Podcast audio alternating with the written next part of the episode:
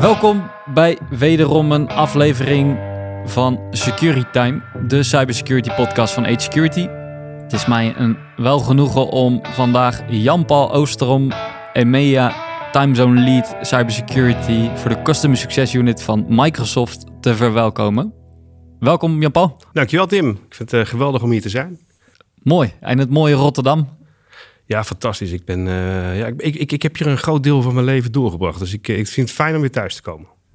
Top. Nou, vertel eens wat meer, Jan-Paul. Wie is Jan-Paul uh, en uh, hoe, is die hier, hoe is die hier zo in cybersecurity terechtgekomen? Ja, dat is een heel lang verhaal. Uiteindelijk, hè, als je naar, naar, naar mensen die in de cybersecurity markt zitten, dan heb je mensen die zijn er per ongeluk terechtgekomen. Je hebt mensen die zitten in het DNA. Nou, ik ben echt iemand die is per ongeluk in deze markt terechtgekomen. En uiteindelijk is het met DNA ingeslopen. Dus de security zit, zit heel dichtbij me. Maar um, ja, uh, via allerlei salesrollen um, uiteindelijk uh, doorgegroeid naar uh, de timezone lead voor security, compliance en identity binnen Microsoft voor EMEA binnen de CSU. Gaaf man. Ja, super gaaf. Het was echt heel erg leuk om vroeger ook met jou te werken. Heel veel van je geleerd. Um, en ook een andere oud-collega van mij en een huidige collega van jou, Ronald Schouten, was hier de vorige keer te gast. En die zei, ik heb nog wel een vraag voor uh, Jan-Paul. Uh, want jij hebt uh, voorheen heel veel gedaan binnen Microsoft, ook met het concept Zero Trust. Iets wat veel speelt bij, bij klanten. wat is jouw visie op Zero Trust? En kan je daar iets meer over vertellen? Ja, visie, ik vind wel een, een lastig verhaal, hè? visie. Heb je een visie op, strat op, op, op een strategie?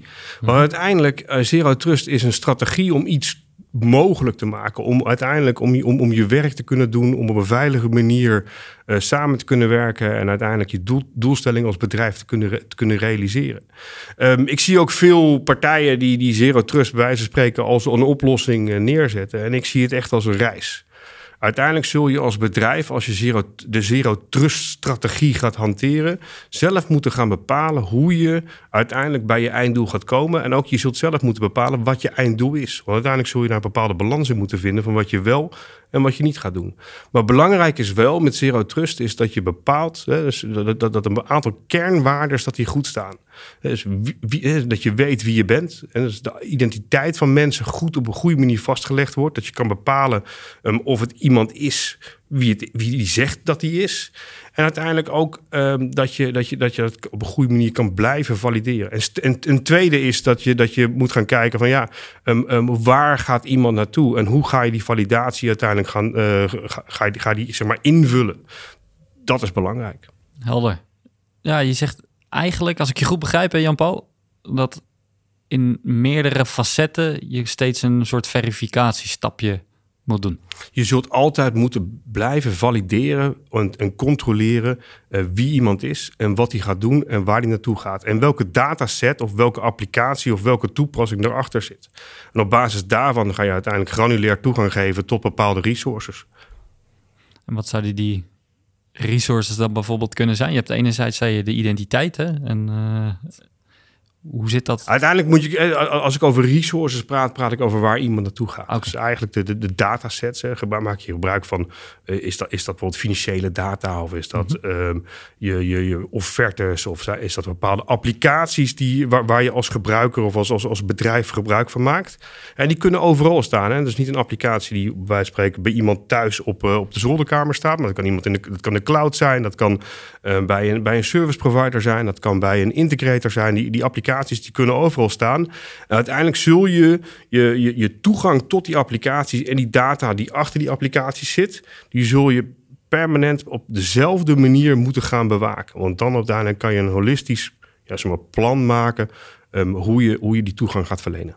Ja, en je zegt plan en daarvoor hoorde ik je ook zeggen middel. Dat blijft een, iets van een onderdeel van je roadmap. Um, het, uiteindelijk is dat uiteindelijk je, de roadmap die je zelf definieert. En uiteindelijk is dat ook de vraag. Hè? Hoe ziet die roadmap eruit? Waar wil je naartoe? Ja, en daar zul je zelf je eigen ideeën over moeten gaan, uh, gaan, gaan neerzetten. Hoe, hoe, hoe bepaal ik nou um, wat goed genoeg is voor mij als organisatie? En, en wat moet ik daarvoor doen? Want uiteindelijk praat je niet alleen over technologie. Je praat dus over, uh, maar ook over mensen, uh, cultuur, een stukje adoptie en, ehm, ja, en, en, processen die je als organisatie moet gaan inrichten. En een klein bedrijf, die zal niet alles zelf kunnen doen. Maar ook een groot bedrijf doet niet alles zelf.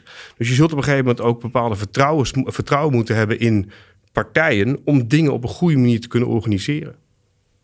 Ja, ja die zegt vertrouwen. Ehm, dat is niet zo makkelijk in uh, security, zomaar het vertrouwen geven. Nee, uiteindelijk praat je uh, uh, vertrouwen, kan je op een aantal manieren opbouwen. Uiteindelijk moet je, moet je, moet je, je, je hebt een stukje contractuele verplichtingen naar elkaar. Dus je zult, je zult een contract moeten waar, waar je bepaalt van wat je wil en hoe je dingen ingeregeld wil hebben.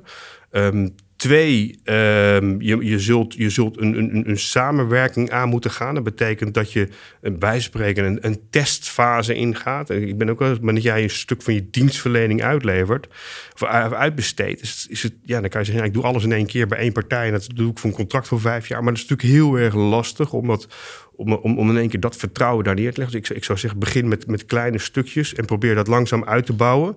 Want dan weet je, dan leer je een bedrijf kennen, dan leer je een organisatie kennen. Dan weet je ook waar, waar, waar, ze heel sterk in zijn en waar ze misschien wat minder sterker zijn. En dan kan je dat op een gegeven moment gaan, gaan, gaan, kan je daar compensatie op gaan, gaan zetten. Dus dan kan je andere, andere middelen opzetten of andere organisatie of, of, of, andere hulp inroepen om dat op die manier in te kunnen vullen. Maar in één keer vertrouwen hebben is, ja, dat blijft en blijft een ding. Eigenlijk zeg je ook stapje voor stapje, een soort van agile ja. manier van. Dat is ook echt de enige manier waarop je het volgens mij goed kan doen. Zelfs uh, ik, ik, ik, heb, ik ben betrokken geweest bij, bij uh, implementaties van security operating, uh, security operating centers bij hele grote bedrijven, waarbij, mm waarbij dat bij spreken uitbesteed werd. Um, en daar had je, had je altijd twee strategieën. De een zegt, ik wil alles in één keer, het moet in één keer goed staan en het moet in één keer gaan, gaan, gaan inregelen. Ja, dat zijn zulke grote projecten, dat je, dat je bij spreken anderhalf, twee jaar bezig bent om dat op een goede manier neer te zetten. Terwijl um, ik zag bij de bedrijven die dat bij spreken klein begonnen en, en, en, en, en, en heel duidelijke doelstellingen initieel hadden en dat langzaam gingen uitbouwen, dat die veel succesvoller waren dan de bedrijven die het in één keer alles in één keer wouden doen. Gaaf. Ja, dat is ook, eh, lijkt mij een pragmatische aanpak. Um, en ook echt een mooi onderwerp eigenlijk om de volgende podcast te bespreken. Uh, van ja, waar begin je nou? We hebben, we hebben het net ook over Zero Trust gehad. Er zijn nog een aantal onderwerpen die ik ook met je zou willen bespreken. Helemaal goed. Uh, zoals MDR, NDR, EDR. Dat zijn allerlei termen die ik voorbij hoor komen bij, bij klanten. Uh, en ja, hartstikke bedankt voor jouw visie tot dusver over Zero Trust en uh, dat dat niet zomaar een, uh, een doelstelling aan zich is, maar als onderdeel van je totale reis. Ja, het is echt een reis. En die reis moet je op een goede manier inzetten. Hartstikke bedankt, Jan-Paul. Dankjewel, Tim. En naast Jan-Paul wil ik ook de luisteraars bedanken voor hun tijd en aandacht. In de volgende aflevering ga ik met Jan-Paul verder over allerlei andere termen in cybersecurity die voorbij komen bij organisaties zoals NDR, EDR, MDR en waar moet ik als organisatie beginnen. Dankjewel en tot de volgende podcast van Security Time.